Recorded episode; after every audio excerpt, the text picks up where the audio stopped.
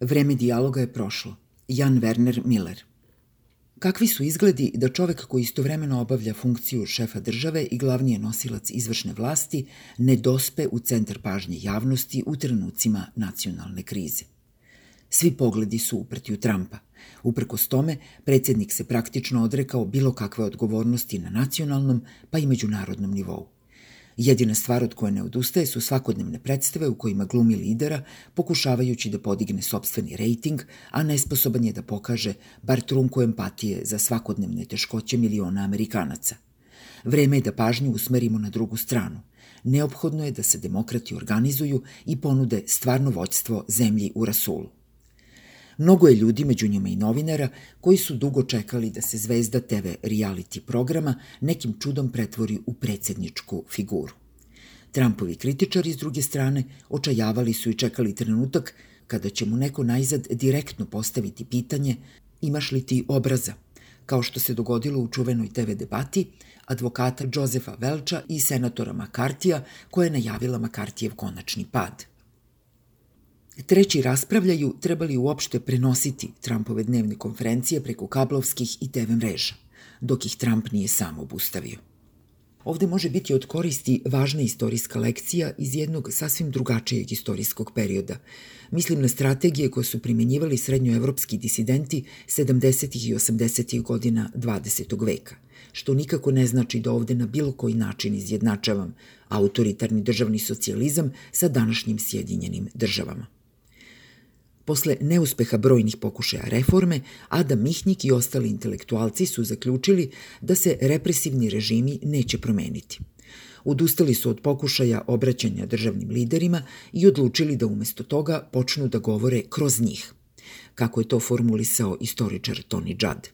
I tako pokušaju da dopru do što većeg broja građana, uprkos ograničenjima slobode govora – Takođe su započeli organizaciju nečega što je Vaclav Benda opisao kao paralelni polis, svet u kome će se čovek ponašati kao da već jeste slobodan. Civilno društvo je takvim inicijativama uspelo da oslabi diktatorske režime bez direktne konfrontacije. Šta je pouka? Besmisleno je pregovarati s Trumpom, jer on se neće promeniti. Posle svakog trenutka privida predsedničke trezvenosti, koji komentatori iz centra dočekuju sa oduševljenjem, sledi deset trenutaka ispunjenih lupetanjem i pretnjama. Nećemo dočekati dan kada mu možemo reći, aha, uhvaćen si, jer njegova glasačka baza, reklo bi se, ostaje odana, šta god on radio – Izgleda da ni najelementarniji interesi, kao što je interes da se sačuva život, da ne govorimo o ekonomskim interesima, ne mogu odvratiti Trumpove obožavaoce od identifikacije sa figurom koja, ako ništa drugo, izgleda kao iskusan general u vođenju kulturnih ratova. Rečima kritičara medija Jaya Rossena, Trumpa treba decentrirati – Istina, on je i dalje predsednik, iako je praktično obavestio javnost da se odriče odgovornosti za pandemijsku krizu da bi se vratio političkoj estradi. Donošenje odluka prepušteno je guvernerima. Ostatak sveta otuda zaključuje da Sjedinjene države nisu zainteresovane za saradnju u potrazi za odgovorima na globalni izazov. To konkretno znači da demokrati treba da organizuju sobstvene večernje konferencije i izlažu planove – Nije li u kampanji za izbor predsedničkih kandidata jednom učestvovao neko ko se isticao u izradi planova?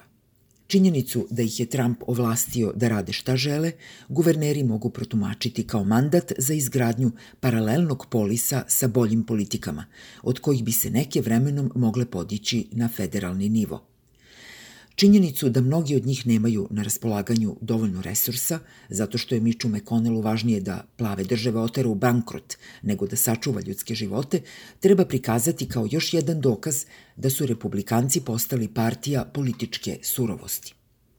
Ponuditi alternativno voćstvo i stvarne činjenice umesto Trumpovih uglavnom alternativnih činjenica nije isto što i poreći legitimnost predsednika – Kada je Andres Manuel Lopez Obrador osporio rezultate izbora u Meksiku 2006. godine, koje je izgubio s malom razlikom, on se proglasio legitimnim predsednikom Meksika, a njegovi glasači su se sjatili u kampove postavljene usred Meksiko Citya.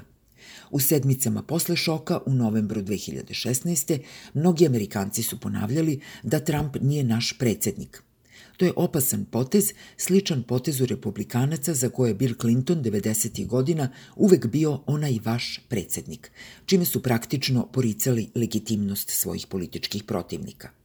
Ali avaj, Trump jeste naš predsednik, iako se ne ponaša tako. Demokrati možda strahuju da će se njihova ponuda alternativnog vođstva protumačiti kao dodatno produbljivanje podela ili politizacija krize. Ali dopadalo se to vama ili ne, kampanja je uveliko počela, a Trump i onako svakodnevno produbljuje podele. Što je najvažnije, opozicija spremna da ponudi sveobuhvatnu alternativu, predstavlja samu suštinu predstavničke demokratije.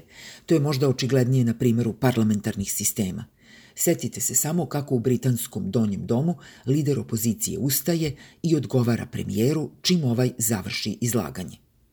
Ima predloga da Joe Biden sastavi kabinet u senci po britanskom modelu. Neki smatraju da demokrati ne bi trebalo da imaju samo jednog predstavnika koji će odgovarati Trumpu, već da to treba da čini više harizmatičnih i kompetentnih političara.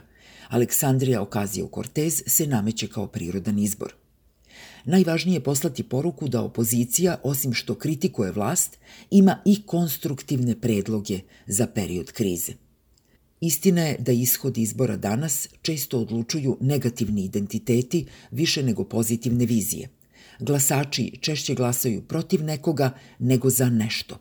Veliki broj Amerikanaca je već doneo sud o Trumpu, ali mnogi su i dalje impresionirani kabuki predstavama u kojima on glumi generala i uspešno ih uverava da niko drugi nema upotrebljiv plan. Taj poguban utisak i uverenje moraju se neutralisati.